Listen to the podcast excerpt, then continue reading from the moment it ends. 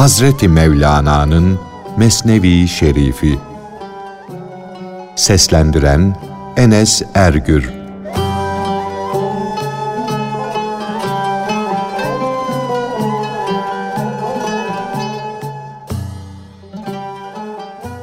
Bayezid-i Bestami Hazretlerinin yıllar önce Ebul Hasan Harakani'nin dünyaya geleceğini müjdelemesi, onun suretini, maddi şeklini, huyunu, ahlakını bir bir bildirmesi, tarih yazanların da Şeyh Harakani'yi beklemek üzere o haberi kaydetmeleri.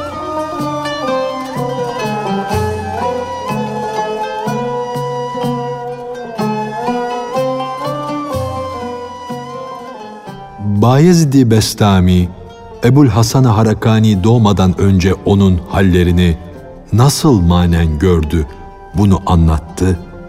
Bu hikayeyi herhalde duymuşsundur.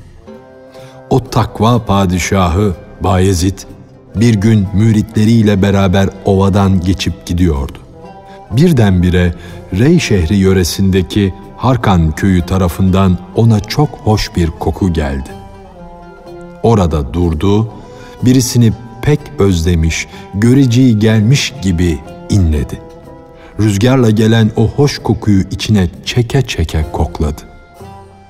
O güzel kokuya aşıkmış gibi içine çekti.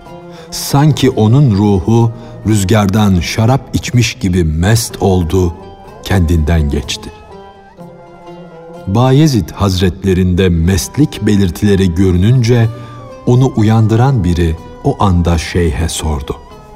Dedi ki, sizde anlayamadığımız bir hal var. Beş duygudan da altı yönden de dışarıda olan bu hoş haller nedir? Yüzün bazen kızarıyor, bazen sararıyor, bazen de beyazlaşıyor. Bu hal nedir? Neyi haber veriyor? Sen bir şey kokluyorsun, havayı içine çekiyorsun. Fakat görünürde gül yok. Şüphe yok ki bu koku gayipten ve hakiki güllerin açtığı gül bahçesindendir. Ey her kendini bilen, tanıyan kişinin dileği olan veli!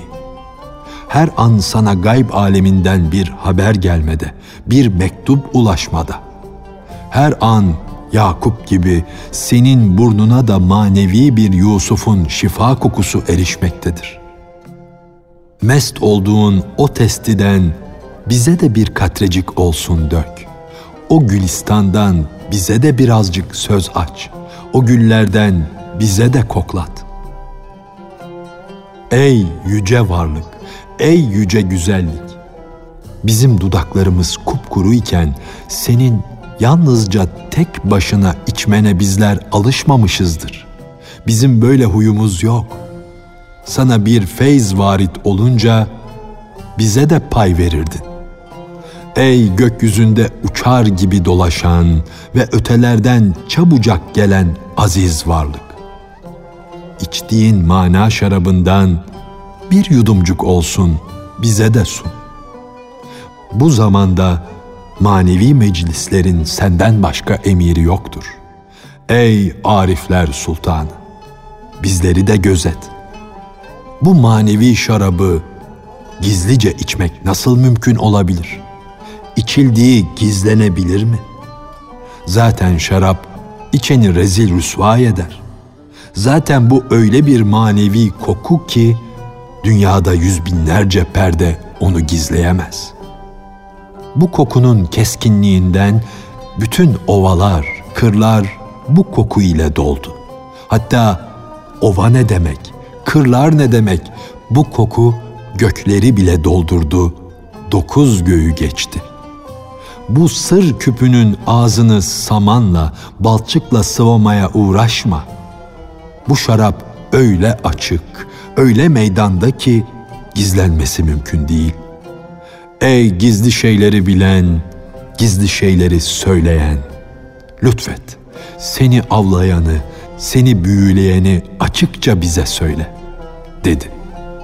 Bayezid dedi ki, Peygamber Efendimiz'e Yemen tarafından gelen koku gibi bana şaşılacak bir koku geldi. Şu taraftan bana bir dost kokusu geliyor. Bu köyden manevi bir padişah yetişecektir. Bu kadar yıl sonra burada bir padişah doğacak, göklere çadır kuracaktır. Onun yüzü Hakk'ın gül bahçesinin gülleri gibi açılıp saçılacak, manevi bir gül olacak, makamca benden de üstün olacak, beni geçecek, dedi. Müridin biri, o büyük zatın adı nedir, diye sordu. Adı Ebul Hasan'dır, dedi. Kaşının, çenesinin ne şekilde olduğunu tarif etti. Boyunu, rengini, şeklini, saçını, yüzünü bir bir anlattı. Onun iç huylarını, manevi sıfatlarını, yolunu, yerini, makamını, varını, yoğunu hep açıkladı. Hazreti Bayezid'in haber verdiği tarihi yazdılar ve onun sözleri ile tarih sayfasını süslediler. Tam o vakit, o tarih gelince o manevi padişah doğdu ve manevi saltanat bahsini kazandı. Bayezid'in ölümünden yıllarca sonra Ebul Hasan doğdu. Bayezid-i Bestami Hazretleri Şeyh Ebul Hasan'ın huyları hakkında ne söylediyse aynen çıktı. Lütfuna, ihsanına, elinin açıklığına, darlığına dair ne dedi ise çıktı. Bayezid'in önünde levh-i mahfuz ona kılavuzluk ediyordu. O lev neden korunmuştu? Yanlıştan. Bu ne yıldız bilgisidir, ne remil, ne de rüya yoruşudur. Bu Hakk'ın ilhamıdır. Doğruyu en iyi bilen de Allah'tır. Sufiler halktan bunu gizlemek ve onların karşı gelmelerini önlemek için ilahi ilhama gönül vahyi demişlerdir. Ey hak yolcusu! Sen de istersen ona gönül vahyi de. Zaten Allah adamlarının gönlü hakkın nazar ettiği yerdir. Gönül uyanık olunca oraya gelen ilham nasıl olur da yanılır? Ey kamil insan! Sen Allah'ın nuru ile baktığın için yanılmaktan kurtulmuşsun. Gerçekten de tam bir kamil insan olan Bayezid-i Bestami'nin kendisinden yıllarca sonra doğacak Ebul Hasan Harakani'nin doğumu ile ilgili gayb hükmü nasıl gerçekleştiyse Allah'ın hükmü de levh-i mahfuzda kayıtlara göre öylece meydana çıkar. Bayezid'in buyurduğu gibi Şeyh Ebul Hasan dünyaya geldi. Büyüdü, kemale erdi. Sonra Bayezid'in haber verdiği şeyleri halktan duydu. Bayezid demişti ki, Ebul Hasan benim müridim olacak. Her sabah kabrime gelip benden ders alacaktır. Ebul Hasan da dedi ki, Evet, ben de şeyhi rüyamda gördüm ve ruhundan bu sözü duydum. Her sabah Bayezid'in kabrini ziyaret eder, kuşluk vaktine kadar huzurunda bulunurdu. Ya şeyhin hayali gözünün önüne gelir, ona gereken şeyleri söylerdi yahut da arada söz ve ses olmaksızın gönülden seslenir, böylece Ebul Hasan'ın müşkili hallolurdu. Kış mevsiminde bir gün manevi bir neşe içinde kabri ziyarete geldi. Kar yeni yağmış, mezarların üstünü örtmüştü. Kar kat kat yığılmış, bayrak gibi boy atmış, kabirlerin üstü kubbe kubbe olmuştu. Bu hali görünce Ebul Hasan Hazretlerinin neşesi gitti, canı sıkıldı. Tam bu sırada manen diri olan Bayezid-i Bestami'nin mezarından bir ses geldi. Ben buradayım. Bana gel diyordu. Bu tarafa gel diyordu. Sesime koş. Dünya karlarla dolsa, kar kesilse bile sen benden yüz çevirme. İşte Ebul Hasan'ın hali o günden beri latif, hoş bir hal aldı. Önce Bayezid'in haber verdiği ve kendisinin sonradan duyduğu şaşılacak şeyler gerçekleşti. Onları görmeye başladı.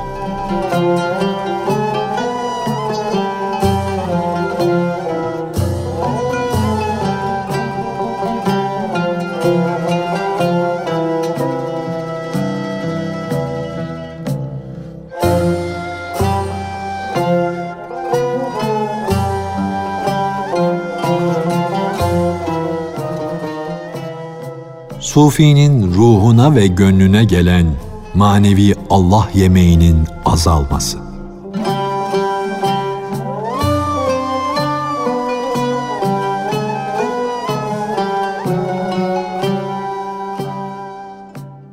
Bir sufi yoksulluktan nasıl olur da şikayet eder, gamlara, kederlere kapılır?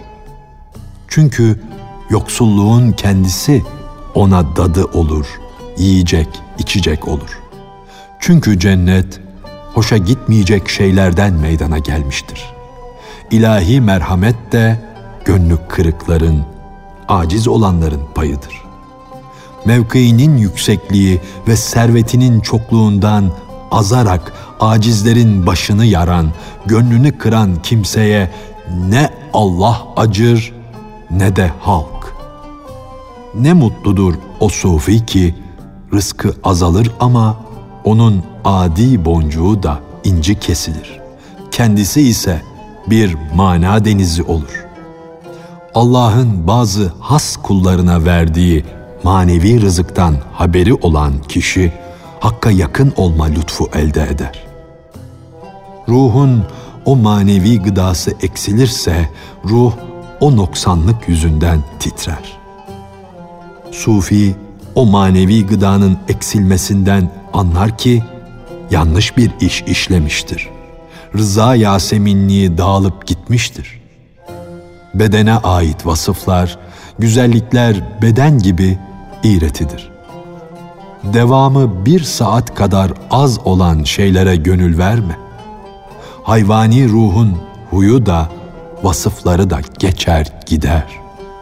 Sen göklerdeki ruhun vasfını ara. O ilahi ruh, yeryüzünde yanan bir kandil gibidir. Kandil yeryüzündedir ama ışığı göklere vurur. Velinin de bedeni mum gibi yeryüzündedir fakat nuru yedinci kat göğün üstündedir. Güneşin ışıkları evlere, ovalara düşmüştür.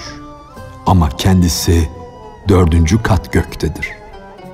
Sen gülü bahçelerde fidanında görürsün.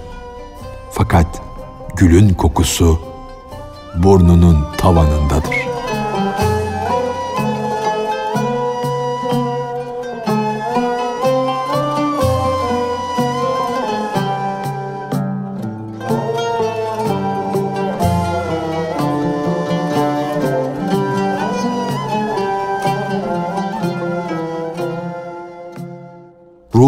Ruhumuzdaki yücelikten, şereften bedenin nasibi yoktur.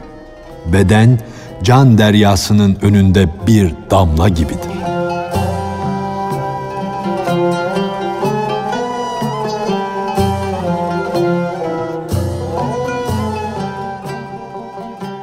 Gökleri ve yeryüzünü Allah'ın kudret ağacından yetişmiş bir elma gibi farz et. Sen de o elmanın içine düşmüş küçücük bir kurda benzersin. Senin o elmanın ağacından da onu yetiştiren bahçıvandan da haberin yoktur. O elmanın içinde başka bir kurt daha vardır ki onun ruhu yani velinin ruhu elmanın dışında bayrak açmıştır. O elma ağacını da bahçıvanı da yakından tanımaktadır.'' onun hareketi elmayı yarar. Çünkü elma onun bu yarma hareketine karşı koyamaz. Onun hareketi perdeleri yırtar. O görünüşte küçük bir kurt ama manen büyük bir ejderhadır.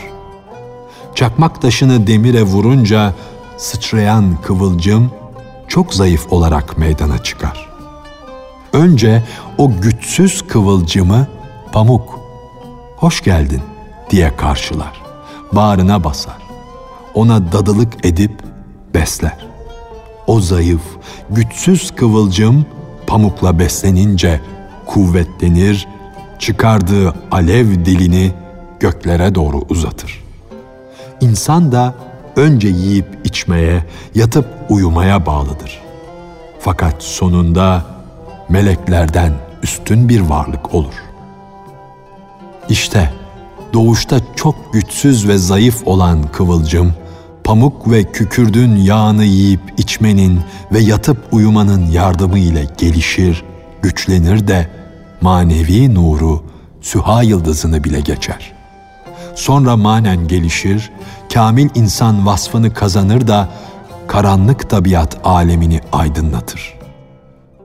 Ruha nispetle demir tomruk gibi olan beden kaydını iğne ile yavaş yavaş usanmadan uğraşarak koparır atar. Ateş de su, hava ve toprak gibi beden alemindendir. Ruhumuz gibi manevi yönü yoktur. Ruha mensup değildir. Ruhumuzdaki yücelikten, şereften bedenin nasibi yoktur. Beden can deryasına nispetle bir damla gibidir. Beden ruhun feyzi ile günden güne gelişir, artar. Ama ruh onu bırakıp gidince bedene bir bak bakalım ne hale gelir. Bedenin ancak bir iki arşın boyu vardır. Fakat ruhun ta göklere yükselir, gökleri dolaşır. Ey yüce kişi! Ruhun tasavvurunda, düşünmesinde Bağdat'tan Semerkant'a kadar yol yarım adımdan ibarettir. Gözlerinin yağı iki dirhem ağırlığında olduğu halde onun ruhunun nuru yani görme kuvveti göklere kadar her tarafı kaplar. Gözdeki o nur göz olmadan da uykuda rüya görür. Fakat göz onur olmayınca bir harabeden, bir yıkıntıdan başka ne olabilir? Ruh bedende saçına, sakalına, bıyığına aldırış bile etmez. Fakat beden ruh olmayınca pis pis kokan bir leştir. Bu bedenimiz hayvani ruhun iş güç görmesine verilmiş bir izin belgesidir. Sen manen ilerle de insani ruhu gör.'' Sonra insanlık suretinden de geç, bir takım gereksiz dedikoduları bırak da ta Cebrail'in can deryasının kıyısına kadar git.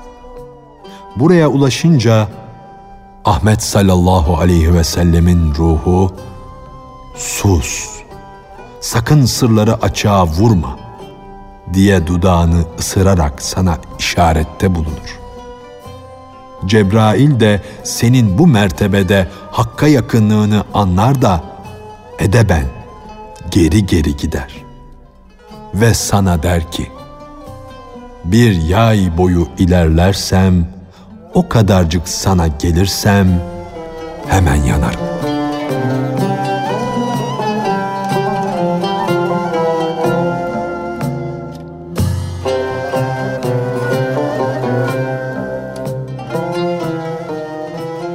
Hazreti Mevlana'nın Mesnevi Şerifi. Seslendiren Enes Ergür